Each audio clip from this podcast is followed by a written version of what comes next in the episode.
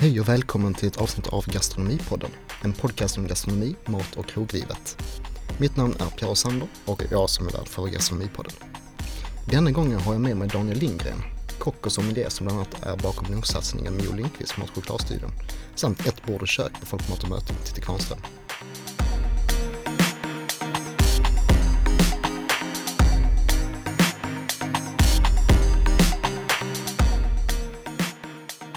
Varmt välkommen Daniel. Tackar, tackar.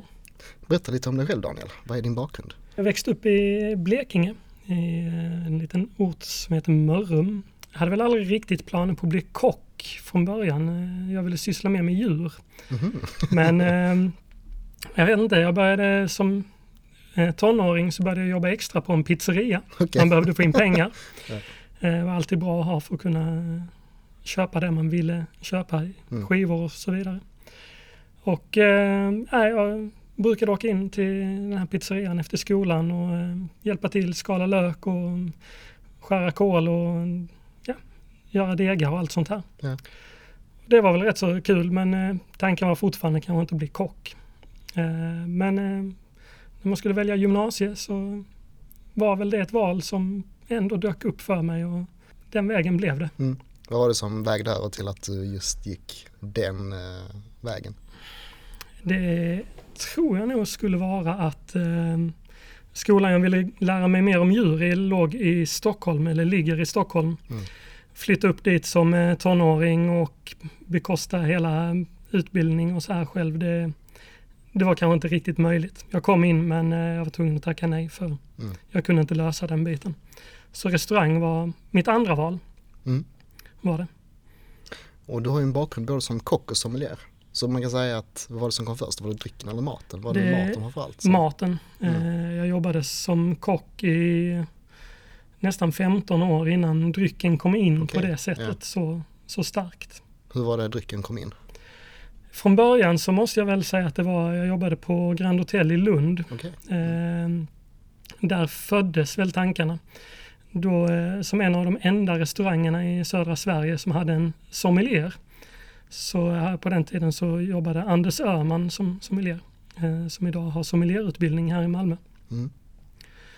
Och eh, han eh, fick väl upp mina ögon lite grann för dryck. Även om han kanske inte själv visste det. Mm. Så var det någon gång eh, man fick prova vissa viner med viss mat och man fick aha-upplevelser som gjorde att det var väldigt kul.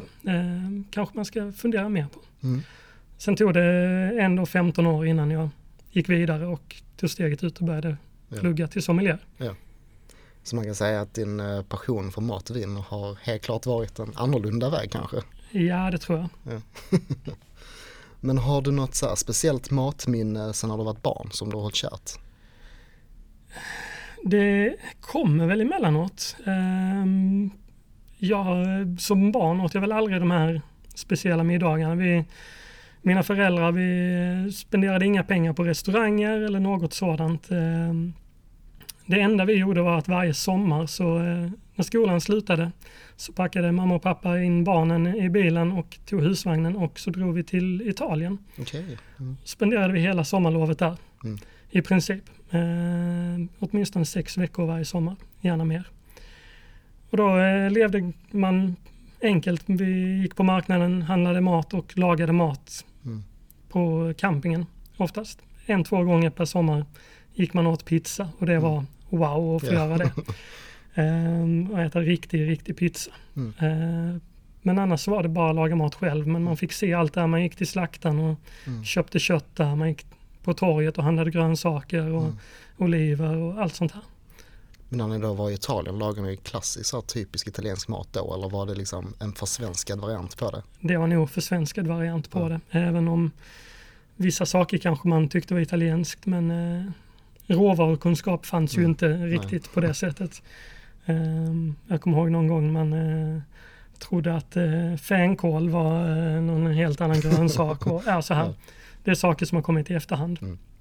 Och målet när jag började laga mat som kock på restaurang var ju inte heller att kanske gå den vägen som jag har gått. Det skulle vara ett enkelt yrke som jag Mm. kunde försörja mig på. Mm. Jag hade aldrig någon vision av att komma långt i det. Har kommit efterhand men har jag kanske har eh, lite så här skalle för att allting måste bli perfekt. Och eh, då är det väl kanske ett logiskt st- steg att ta och börja Mm. laga bättre mat också. Men om du nu har både haft, att, eh, haft pizzan i Italien och du har jobbat med pizzan sen också. Men har du, skulle du säga att din matstil är inspirerad av italiensk mat? Den har nog lagt mycket grund, tror Mm. jag. Kärleken till råvaran. Och eh, det är väl en av mina stora grejer när jag lagar mat, är att fokusera mycket på en råvara och ta väl hand om den. Mm. Och när du lagar mat hemma blir det mycket så italiensk mat också? Säkerligen. Eh, man har ju en egen stil och eh, min stil är det jag lagar hemma också. Eh, kanske inte lika avancerat som jag gör på krogen men ja. Vad lagar du mat för hemma då? ungefär? Det är väldigt olika. Eh, nu på sommaren så gärna fisk. Eh, om jag ska ha något animaliskt protein så är det mycket fisk Mm. i så fall eh, så här års. Annars har väl alltid grönsaker legat mig varmt om hjärtat Mm. även om jag aldrig, jo jag var vegetarian en snabb vända i min tonår men eh, det gick över. Men däremot så har jag jättegärna mycket, mycket grönsaker i maten. Vad skulle du säga att din absoluta favoriträtt? Säger jag emot mig själv, men tartarer av olika slag Ja. tycker jag är väldigt, väldigt kul att göra. Men vad är den bästa matupplevelsen du haft då? Det är nog en helhetsupplevelse och det måste jag säga var The Fat Duck 2003. Det var en helhetsupplevelse som hette duga. Men det var hela, hela grejen. Då hade man börjat få upp ögonen lite grann för vad som skedde. Att man kanske inte skulle syssla med bistro-maten bara utan gå lite längre. När man såg hur de jobbade på krogen där på den tiden. Det var ett kök som var väldigt, väldigt litet. 17 kockar som stod där och trängdes. De hade inte många kvadratcentimeter var att jobba men den maten och den servicen var fantastisk. Vad fick du för mat serverad? Det var eh, 18 olika rätter. Mm. Så eh, det var många. Men jag fick prova många av de saker som då var Häston Blumentals Ja. eh, flaggskepp eh, hade han på menyn. Så jag provade snigelgröten, jag provade ägg och baconglass. Eh, ja, massa sådana här konstiga saker som jag aldrig riktigt förstod då. Var det någon av dem som du minns extra mycket som den här, ja men det var den här absolut bästa av dem alla? Jag har ett minne som kanske är det mest pinsamma. Jaså? Du tell. Ehm, de hade en rätt på menyn som då hette Pine Sherbet Dib Dab och ut kommer det ett litet shotglas med ett sugrör gjort av en vaniljstång. I su- eh, shotglaset så ligger där ett litet vitt pulver. Mm. Och eh, blir bara presenterad som Pine Sherbet Dib Dab. Enjoy. Och så gick de. Mm. Hade jag växt upp i Storbritannien så hade jag vetat vad en Dib Dab var. Mm. Det visste jag inte. Så eh, man försöker här på något sätt att man ska försöka suga i sig det här Mm. sura pulvret som ligger i eh, shotglaset. Mm. Eh, det ser eh, sommelieren och kan inte kväva sin, sitt skratt Mm. utan han börjar skratta. Varpå jag också börjar skratta ut genom ett sugrör ner i ett shotglas med vitt pulver så blir det ett litet moln och flyger upp. Och till saken hör att eh, mitt emot mig, eller bordet jämte då, eh, som, men som ser mig klart och tydligt, sitter Gordon Ramsay med sin fru och äter. Så det var lite pinsamt så här. Kan till och med att han kommer ihåg dig från den upplevelsen. Ja, vem vet. Men eh, några månader senare så var jag inne och kollade på internet på deras meny. Då hette rätten inte Pine Sherbet Dib Dab. Mm. Då hette den Pine Sherbet Fontaine. Mm. Men jag tror att det är fler än jag som hade gjort samma, Mm. samma lilla grej med det. Men eh, det var en liten sån Mm. minne. Vad är din favorit när det kommer till viner? Är det rött, vitt eller har du någon specifik druva? Eh, just nu så är det väl Barbera som ligger mig väldigt varmt om hjärtat. Det provar jättegärna olika Barberor. Mm. Eh, annars mycket mousserande, mycket rött. Jobbar väl in mig på det vita. Eh, Det vita är kanske lite svårare för mig att gå in på för jag är mer uppvuxen med den röda biten också. Mina föräldrar har alltid bara druckit rött vin Mm. och det var det liksom som var ingångspunkten för mig. Ja, då fick du verkligen en utmaning senast på ett bord och kök med sparriskvällen. Ja, när jag jobbar med det så, så är de vita vinerna väldigt lätta. Men om jag ska Mm. välja någonting att dricka själv, Mm. att sitta och dricka, dela en flaska där hemma, så, Mm.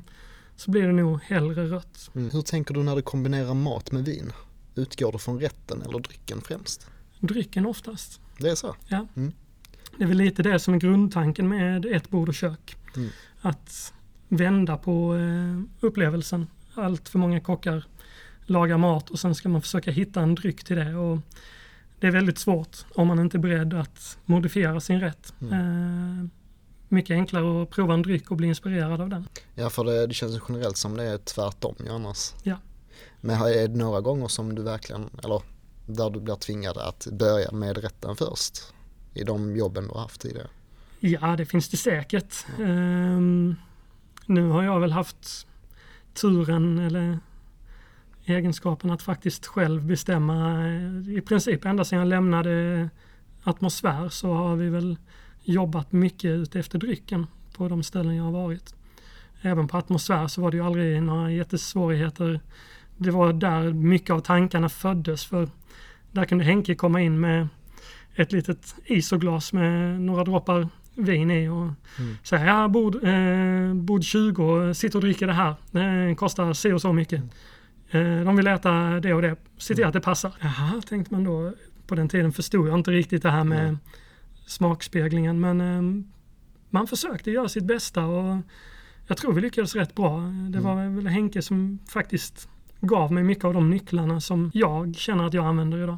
Men det kan jag förstå, det är ju rätt intressant att man kommer in på en restaurang och du väljer drycken först och sen så får du maten ut efter det. Ja men oftast om man äter man à la carte så är det ju faktiskt många som Mm. kanske sitter med vinlistan och tänker åh det här vill jag dricka ikväll. Och sen hittar man ingenting i menyn som passar Mm. till vinet. Mm. För tyvärr så är det ju oftast att sommelieren och köksmästaren kanske inte är så väl synkade när det Nej. kommer till en del restauranger som har fantastiska vinlistor och sen så lagas det mat som går åt helt annat håll. Mm. Man kan inte dricka vinerna Nej. till den maten för det passar inte. och, eh, Det är lite synd. Eh, eller tvärtom, att det är fantastisk mat men finns inget gott att dricka till. Mm. Då dricker man hellre vatten ibland. Alltså det, Ja, det är intressant om man kommit in på restaurang och det finns ingen matmeny, det finns bara en, en vinmeny. Ja men jag har haft eh, lite tankar på den biten faktiskt. Ja, ja, kul. eh, har jag. Mm. När vi började med projektet på kockeriet med eh, vinrummet kallar vi det där. Mm. Så hade jag väl en grundtanke att man kanske skulle också ha en liten lounge där folk kunde komma in och köpa ett glas vin ifrån en lista och Mm. Ja.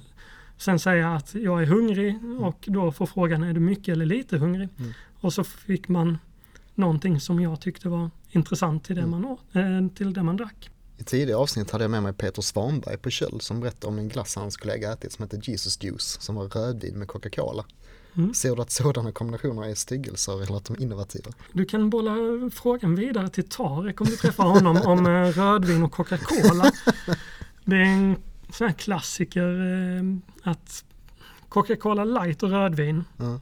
Eh, skulle nog kunna funka. Ja. Eller det funkar, för då blir rödvinet fruktigt. Mm. Men annars kan man ju prova att ta ett eh, tungt rött vin och ett glas cola till det. Mm. Eh, inte light-varianten och se vad som händer. Det är ett kul experiment att göra hemma. Ja. Är det typ samma experiment som att köra en uh, Mentos och Cola Light? Eh, nej, inte riktigt. Det, det sker något annat. Jag, jag kan lämna det upp till eh, de som vill prova och prova det. Ja. Eh, Så lyssnar ni, nu får ni någonting att göra där hemma också när Ja. lyssnar. Vad är det mest konstigaste eller mest oväntade du kombinerat med vin? Det jag kommer att tänka på direkt det var en sen kväll eh, på kockeriet efter vi hade haft vinrum när eh, jag och André Kvarnström sitter och provar igenom vinerna som vi har kört. Eh, vi brukade alltid prova dem en gång innan vi satte menyn för att komma på idéer och sen så efter första kvällen så gick vi igenom kvällen och eh, så provade man igenom det igen för att se hur det faktiskt funkade och då hade man fått feedback ifrån gästerna också. Detta var, vi hade Bordeaux som tema. Mm, mm. Vi hade ett sauternvin eh, som vi körde till det söta. Eh, ibland har man sautern till salta rätter också men här hade vi det till det söta. Och en lättare sautern, modern sådan. När jag provade det vinet där någon gång vid halv två på natten så får jag bara skaldjur, en tanke på det. Så eh, springer bort i en av kökslådorna, tar en ostronmajonnäs. Hämtar, den, hämtar ett päron, skivar upp det och sen så en eh, skiva av briochebröd. Och så provar vi att äta ostronmajonnäs med päron och brioche och den där sauternen. Mm. Och det funkar klockrent. Mm. Så nästa dag så gör vi en ostronglass med eh, då smörstekt sockrad brioche och en päronsallad. Vilken kombo. Ehm, det var inte så många av gästerna som satte den kanske, ehm, men alla tyckte det var väldigt gott. Ja. Sen när de fick höra vad det var så var det många som, jo det kan vi väl inte äta. Jag kommer ihåg Joel tävlade också med någon form av ostrondessert i, eh, i en tävling också. Ja, men ostron och glass funkar ganska så bra, Ja. tycker jag. Ibland måste man bara våga göra lite nya grejer. Använder du ofta vin när du lagar mat? Ibland är det som en del eh, till mig själv och eh, ibland i maten. Ja. Eh, jo, det gör jag väl. Hemma är det nog oftare i mig själv än i maträtterna, Mm. skulle jag säga. Eh, på krogen definitivt att jag har det. Eh, det är ofta man aromspeglar såser med en skvätt vin i precis innan man serverar dem och lite sådana saker. Däremot vet jag inte riktigt om jag tror på konceptet med chablis-såser och champagnesåser och så vidare. Ehm, den kock som kan känna smaken av chablis när de har reducerat en vitvinsås med vinet i får jättegärna göra det. Men Mm. jag känner inte den distinkta smaken. Nej. Däremot slår man i en liten skvätt på slutet så kan man få en fräschör som passar till rätten, ja. Men eh, laga mat, en del säger att du ska ha samma vin i maten som du ska dricka till. Nej, Mm. säger jag. Det, jag har aldrig känt det behovet. Men om man eh, är nybörjare på vin, vad är det första man ska lära sig? Att det inte är så jäkla komplicerat. Mm. Njut. Mm. Det tog mig många år att inse att eh, sluta överanalysera allting. Mm. Njut. Eh, ta det lugnt och ja. Bry dig inte så mycket om olika nyanser och så här. Tycker du det är Mm. gott? Ja, Mm. bra. Mm. Eh, när du väl har gjort det så kan du börja fundera ibland på varför gillar jag samma sak om och om igen och nörda ner dig. Men lite grann av min idé med eh, när jag och Titti kör ett bord och kök, det är att det ska inte vara så komplicerat. Det finns inte rätt och fel. Det finns olika uppfattningar och det gäller med både mat och dryck tycker jag. Smaken är olika. Vad jag tycker är rätt tycker någon annan är fel. Och vad är det värsta misstaget man kan göra med vin?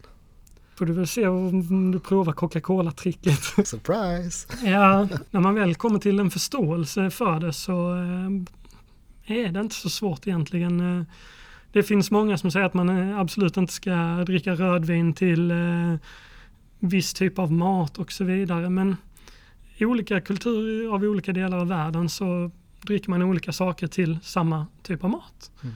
Det vi tycker är jättemärkligt i Europa tycker man är en självklarhet i Asien till exempel. Mm. Så eh, för mig, jag undviker snustorra viner som inte har någon frukt om jag äter någonting med mycket umami. För mig är det en sån, blir metalliskt Ja. och jag gillar inte alls det.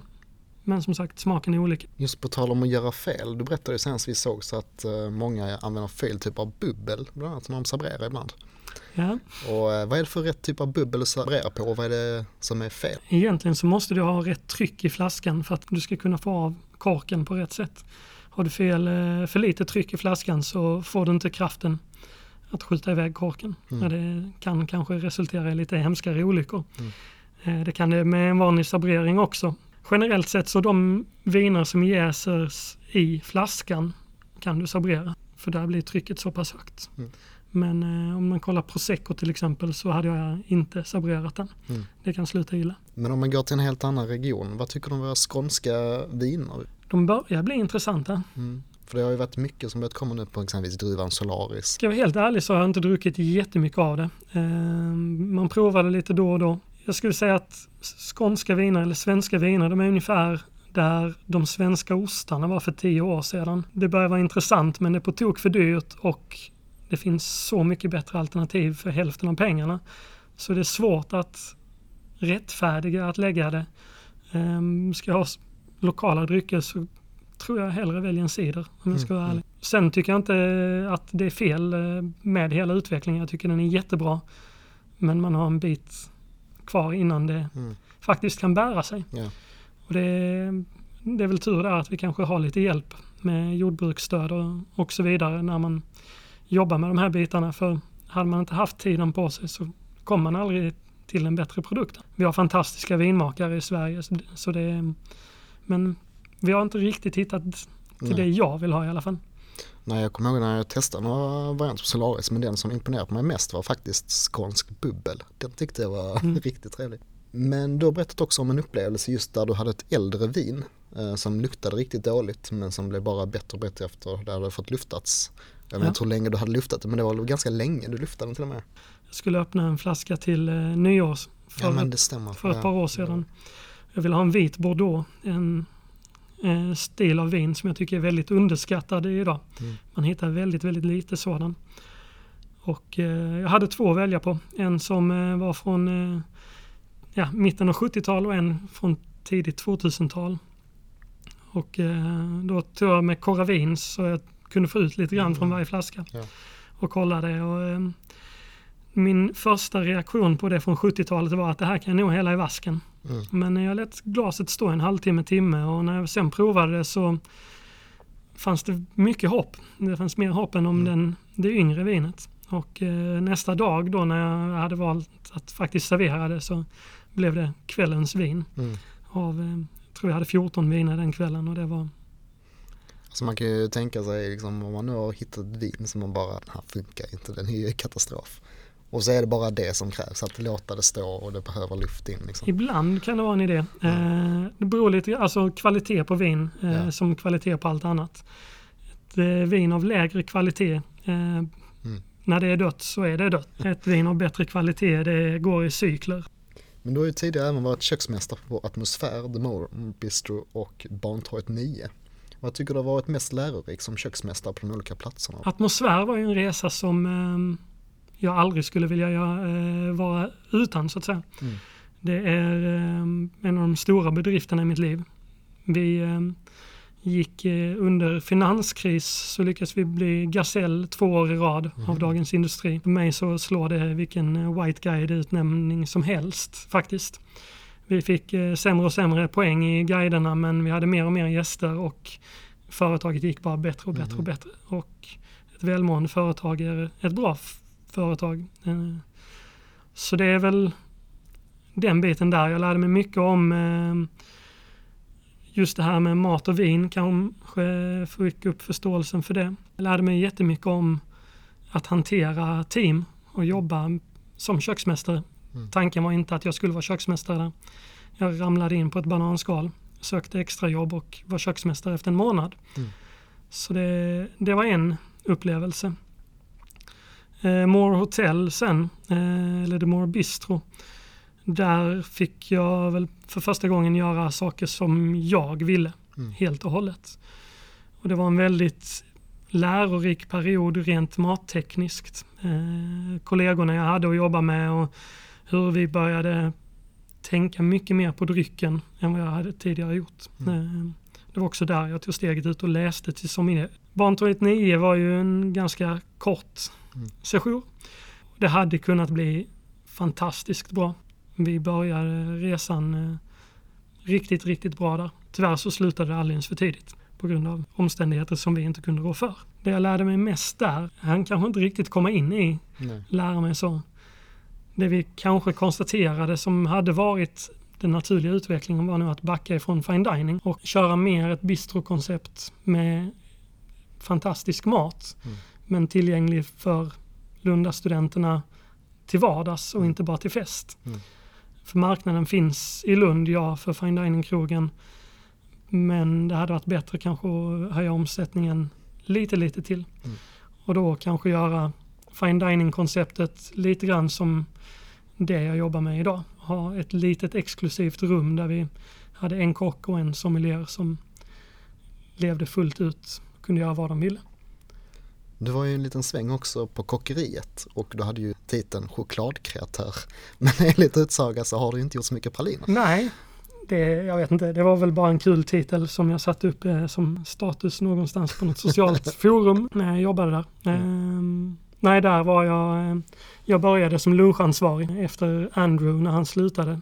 Och eh, det var en fantastiskt rolig tid. Ehm, det gick vidare till att vi stängde luncherna och där fick jag möjligheten att börja med vinrummet som jag är evigt tacksam till eh, Tarek att han vågade satsa på mig och på den det konceptet. Jag vet inte många andra människor som har den givmildheten att bara satsa rakt ut på en människa på det sättet. Mm. När jag förklarade min idé för honom sa han, jag kan ingenting om det men varsågod gör det. Mm. Så eh, det kommer jag alltid minnas. Och senaste tiden har du ju bland annat även kört en lunchsatsning med Joel Lindqvist på Mat chokladstudion. Vad fick dig att satsa på det projektet med Joel? Det passade bra i mitt liv. Förra sommaren så kom Joel och tyckte att men nu när du har blivit pappa är det inte en idé att mm. jobba dagar igen och um, köra det här med mig. Mm. Eh, ja, varför inte tänkte jag. Det kan väl vara en utmaning. Mm. Och eh, samtidigt sa vi att det ska bli vegetariskt. Lokalen i sig eh, speciell. Ett bord, 14 gäster. Passar eh, väl in ganska mycket i min filosofi med det sociala rummet mm. som jag gillar att jobba med. Det vegetariska kändes rätt, ligger rätt i tiden och eh, satsningen vi gjorde lyckades ju väldigt väl. Han har verkligen fått, eh, jag kommer ihåg när jag var där eh, första gången och vet jag, jag skrev på typ Facebook så här att yes, ingen har hittat stället än. så här var bra att man får ha lite ensam. Sen kom det en artikel i Sydsvenskan och sen var det fullsmakat, det gick aldrig få plats igen. ja, lite så. Um, nej, vi, det var väl en, hela den resan är jätterolig. Mm. Vi började med att sätta upp en budget att har vi den här beläggningen så, mm. så är vi nöjda. Så um, jobbar vi på varumärket. Mm. Ja, efter den artikeln i Sydsvenskan så dubblade vi ju mm. den omsättningen mot vad vi hade tänkt oss och sen bara ökade det. Uh, så det har varit jätteroligt. Ha det. Och det är alltid kul att mm. laga mat på det sättet att ja, vi lagar mat varje dag från grunden och mm. kanske inte ha så mycket ramar från början utan ta det som faller en in den dagen och göra det bästa utav det. Mm. Hur många platser hade ni då jämfört med hur många det är nu? Vi utökade efter jul utökade vi med fem platser i fönstret. Mm. Så från 14 till 19. Mm.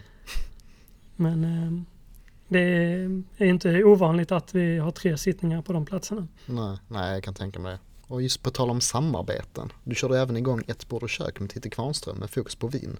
Men i samband med mat. Berätta lite om projektet.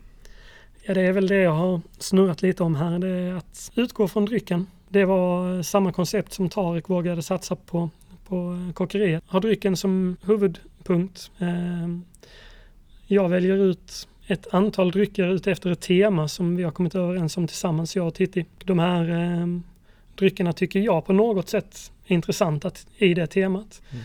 Sen eh, skriver jag upp punkter som jag tycker i eh, matväg, lite idéer. Skickar över till Titti som får tolka mina tankar och idéer och sen så kommer hon tillbaks med sin tolkning på min idé. Och sen någonstans så möts vi och lagar mat utefter den förutsättningen. Och det är ett väldigt annorlunda koncept för vi gör det en gång i månaden, eh, två kvällar. Så varje gång så undrar vi hur galna vi är att vi sätter upp, det brukar vara 12 till 20 serveringar. Och vi sätter upp det för två kvällar från ingenting. Och det är 14 gäster varje dag.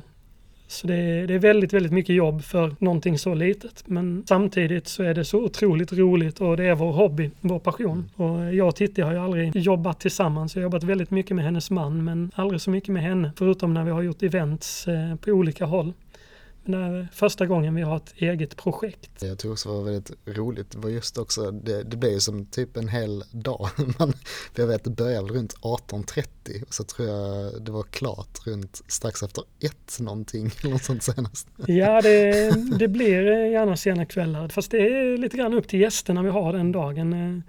Vissa gånger så är det färdigt vid ett, halv två, andra gånger är det färdigt klockan tio. Mm. Det beror på hur trevligt man har runt bordet och hur mycket ja. man pratar och hur lite man äter. När jag var på besök just på ett bord och kök senast så serverade jag en rätt som var en innoverad variant på carbonara. Men mer som en råbiffsvariant. Ja. Och den innehöll ju, det var ju en tartar med sofritt och majo, friterad risnudel, benmärg och basilika. Och du berättar just att den här har eh, justerats i flera iterationer. Den var väl i, i sin barndom egentligen. Det, det är faktiskt inte carbonara, det är bolognese var det. Det var ah, tanken i alla fall. Um, jag har en grej för mig att jag gillar att göra tartarer efter klassiska rätter. Mm. Det började med klassisk svensk husmanskost. Men eh, tog steget ut till klassiska rätter. Eh, bolognesen kanske man kan räkna som en svensk husmanskost i vissa hemmen då. Men eh, det, den är i sin barndom ännu. Den är väl någonstans kring version 1 Mm. kan jag säga. Eh, den som jag jobbat längst med köttbullar. Mm. Och den är uppe på 3,73 tror jag det är jag brukar säga. Den har varit framme på 3,78 men har backat igen. För jag tyckte de förändringarna gjorde ingen, ingen nytta som gjorde då. Men äh, den, den är spännande och under konstruktion. Mm. Sen vet jag inte eh, vad jag ska ändra nästa gång i den ännu. Utan det, det kommer när det kommer. Gör det. Vad var det det var för form av kött på den senaste gången? det var eh, nej, i den hade vi lite, lite rökt eh, älg Ja, exakt, jo, det var det. och oxkött Mm. var det. Så det var blandat. För jag kommer ihåg den här rökta smaken, så hade påminner mig liksom om den här i alla fall, även om inte tanken var att det skulle vara just carbonara. Men Ja. det var ungefär de tankarna fick Ja. upp, den här lite rökiga, salta smaken, lite som eh, baconsmaken från Ja, ja, carbonara. det förstår jag. Men du serverar ju bland annat även under eh, ett bord och kök eh, 12 olika viner till 16 rätter i omgångar av tre. Ja. Vad var den största utmaningen med just när det är så många rätter? Den stora utmaningen är att begränsa sig. För när jag väljer ut de här vinerna så först så måste jag begränsa mig till antalet viner Mm. och budgeten. Ehm, Det är många, många gäster har uttryckt sig eh, att vi är löjligt billiga. Eh, Jag säger väl prisvärda. Mm. För jag tycker inte om ordet billigt i den aspekten. Ehm, Och till den budgeten vi får för de pengarna så eh, att få in 12 glas vin till att Mm. börja med Mm. för 1500 kronor som vi tar än så länge. Och sen lägga till 20, eh, 12 till 20 serveringar mat. Det är, det är löjligt prisvärt. Ja, Mm. det är det. Ja, för det var ju så pass mycket vin så det gick ju inte ens att tömma glasen. Nej, det, den stora grejen är att begränsa vilka viner. Mm. Jag brukar alltid ha kanske ett ark med 30 olika viner som jag vill ha med. Mm. Och sen så måste jag plocka ut så att få in en, ehm, ja, en logisk tråd i det hela som ska följa konceptet. Eh, och när jag väl har gjort det så gäller det väl samma sak med maten. Då börjar jag plocka ut ett temat. Vad är det som ligger i säsong och vad följer temat av kvällen? Och så har man så många idéer. Och när man gör de här middagarna, det är väldigt mycket vi kan testa och eh, experimentera med. Det är ju trots allt två kvällar bara, så det är inte så att vi ska ha en rätt som ska funka på en meny i månader eller veckor i alla fall. Utan vi kör två dagar, funkade det? Nej, kanske inte. Nej, då har vi lärt oss det. Och den feedbacken får man direkt i konceptet också eh, när man är så nära gästerna i rummet. Men du nämnde kort också just det, ju när det är så pass mycket vin att eh, vissa gäster blir ju lite väl berusade. Vad Ja. har det varit den värsta du varit med om hittills? Då? Jag har haft eh, faktiskt inte, så länge jag tittar och har gjort det har vi Mm. haft några problem. Tidigare så har jag haft någon som jag har fått be lämna lokalen för att de har blivit lite för förfriskade. Mm. Eh, och det gäller ju att ha koll på det eh, när man serverar. Så att man inte eh, bryter mot lagar till att börja med men också man ska ha en trevlig kväll och eh, jag brukar alltid uppmana folk att man känner sina begränsningar själv. Mm. Eh, det är väldigt svårt att säga att man klarar sig och så mycket. Vissa kanske inte har ätit någonting innan och Mm. blir berusade direkt. Ja.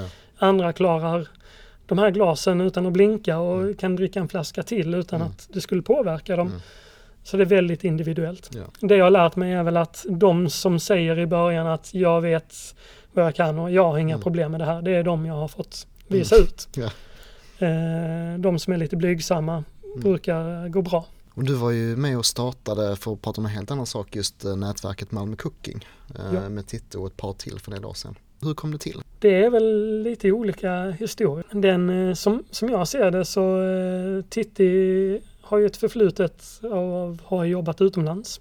Det hade jag också. Jag jobbade i, eh, under fem år nästan runt omkring i Europa. Merparten av det i Skottland. Där fanns en liten, hela kulturen i restaurangerna var lite annorlunda. Man träffades gärna efter jobbet eh, mellan krogarna kunde man gå och ta en öl tillsammans och sitta och en trevlig kväll. Det eh, fungerar inte så i Malmö. Titti hade samma uppfattning som mig. Titti hade väl försökt lite grann och hitta några själsfränder som hon kunde hänga med eh, på fritiden och som inte var från samma krog.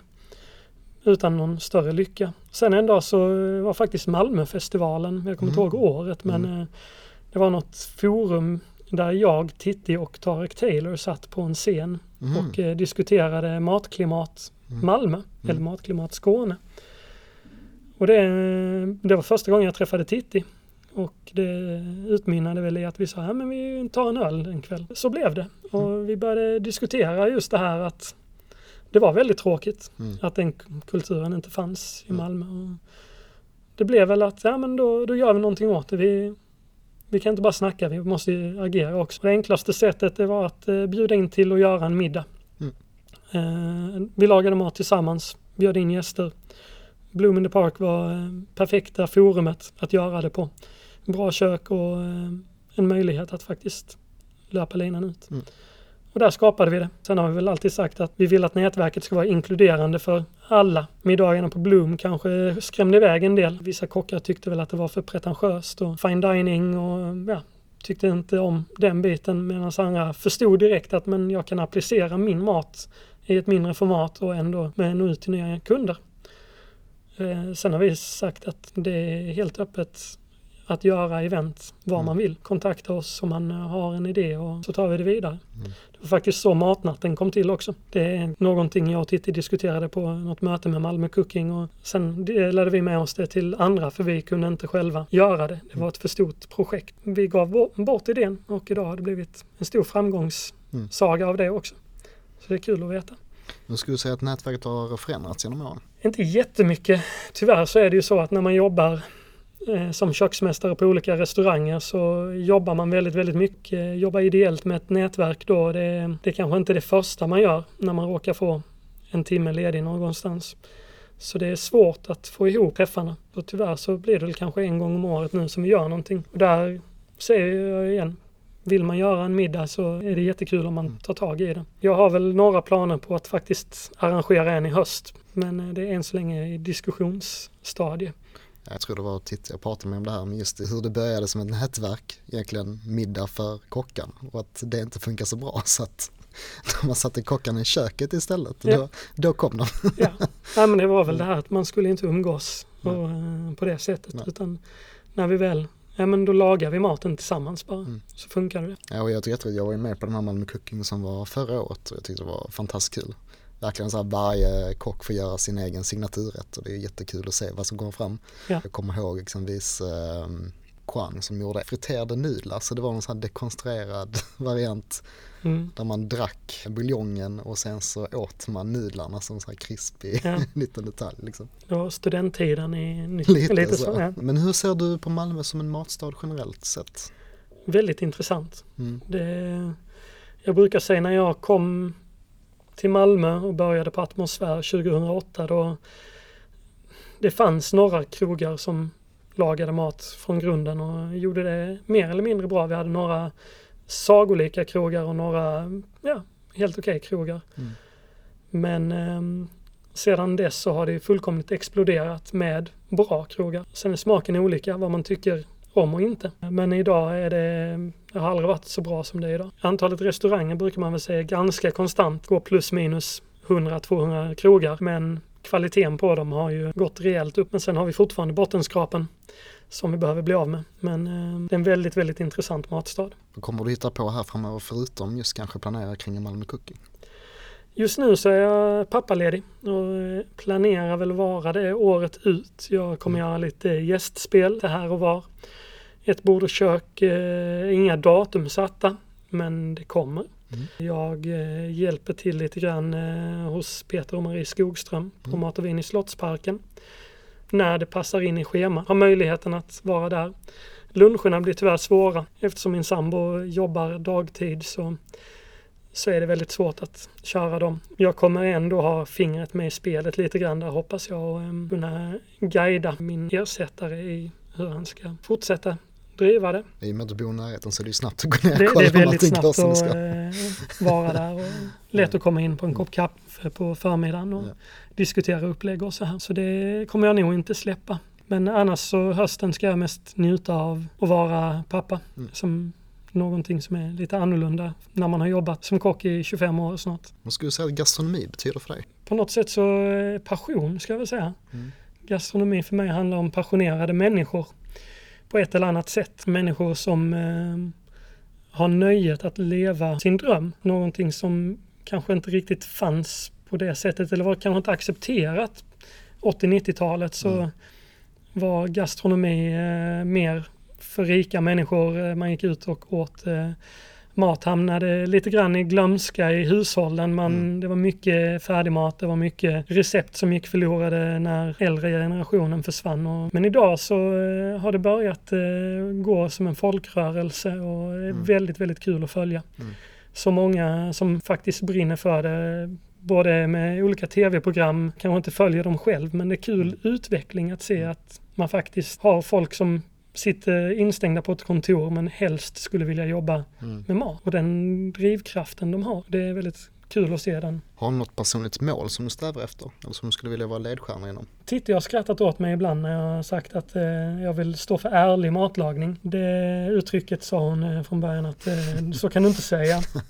Sen kom hon till mig eh, för något år sedan och sa jag förstår precis vad du menar nu. Ja men det är mm. bra, tack. Det jag vill se mycket det är ju att man faktiskt lagar mat och respekterar det man gör. Och eh, där finns folk som är otroligt duktiga på det och så finns det många som absolut inte är duktiga i det. Jag ser väl problem ibland på, eh, när man jobbar på vissa sätt. Eh, Alltifrån tävlingar som Årets kock, Bocuse och så vidare. När man maniskt tränar mm. med en rätt i ett år kanske mm. och lagar och lagar och lagar och det är så otroligt resursslöseri när vi samtidigt ska strunta i flygningar och vi ska äta klimatsmart, vi ska äta närodlat och så vidare så lägger man så mycket energi på den biten. Det kanske jag ser att man blir av med. Paul Svensson är ju en ledstjärna om vi kollar till de som har ett namn i det men det finns väldigt många kockar runt omkring som faktiskt jobbar så och har jobbat så väldigt, väldigt länge men inte har blivit uppmärksammade. Har du någon som du ser upp till inom matbranschen? På olika sätt. Paul Svensson som jag nämnde, jätteduktig på sin grej. Stefan Ekengren är väl också en sån här, jag älskar hans filosofi med som han säger, tryck i smakerna. För mig måste mat smaka. Om jag sitter på en restaurang och får någonting som är tekniskt fulländat men smakar ingenting, då är det helt meningslöst. Mm. Då är det bortkastad tid. Tryck i smakerna, hellre enklare mat men som smakar fantastiskt och våga kombinera saker som ingen annan vågar. Har du eh, några favoritkrogar som du besöker ofta? Jag måste säga Bouchon är väl en av de krogar som ligger mig väldigt, väldigt varmt om hjärtat. Mm. När det finns möjlighet så slinker man gärna ner där. Dels för att det är kvarterskrogen i området men jag älskar Dennis eh, matfilosofi. Jag älskar den kärleken till råvaran som han ger. Helt opretentiöst. Det är 100% fokus på smak och att det ska vara vällagat. Mm. Upplägg, ja, det ska se aptitligt ut men det är inte det primära. Mm. Och jag älskar att man vågar göra så i dagens eh, samhälle där allting handlar om likes på Instagram och mm. Facebook så vågar man laga vissa rätter som kanske är bruna men väldigt, väldigt goda. Har du något hemligt matlagningsknep som du vill dela med dig av? Alltså, ta hand om allt. Mm. Allting går att äta. Um, jag brukar säga att jag äter allt, vissa saker bara en gång. Men eh, vi slänger väldigt mycket när det kommer till skal och eh, sådant från mm. grönsaker. Jättelätt att använda. Mm. På luncherna nu har jag kört mycket krisp på det. Tänka på texturer är väldigt viktigt med i mat. Det ska hända någonting. Fundera innan du slänger det i soporna. Kan jag använda det här till något annat? Kan du det? Gör det. Prova. Mm. Ja, jag är helt med på texturerna där. Det är också en superstor del för mig. Det kan ju förena rätt så himla mycket. Ja. Finns det någon som du hade velat höra i Gastronomipodden? Jag gillar ju underdogs. Mm. Det hade varit väldigt roligt att höra André Kvarnström till mm. exempel. Mm. För att han eh, generellt går under, det är han själv som säger det, Tittis man. Thomas Drejing hade varit roligt att höra. Han är ju stor orsak till matlandskapet som vi har här nere. Ja men tack så mycket för idag Daniel. Det är tack jättekul själv. att höra din historia och eh, lycka till med pappledigheten. Hoppas du får lite vila.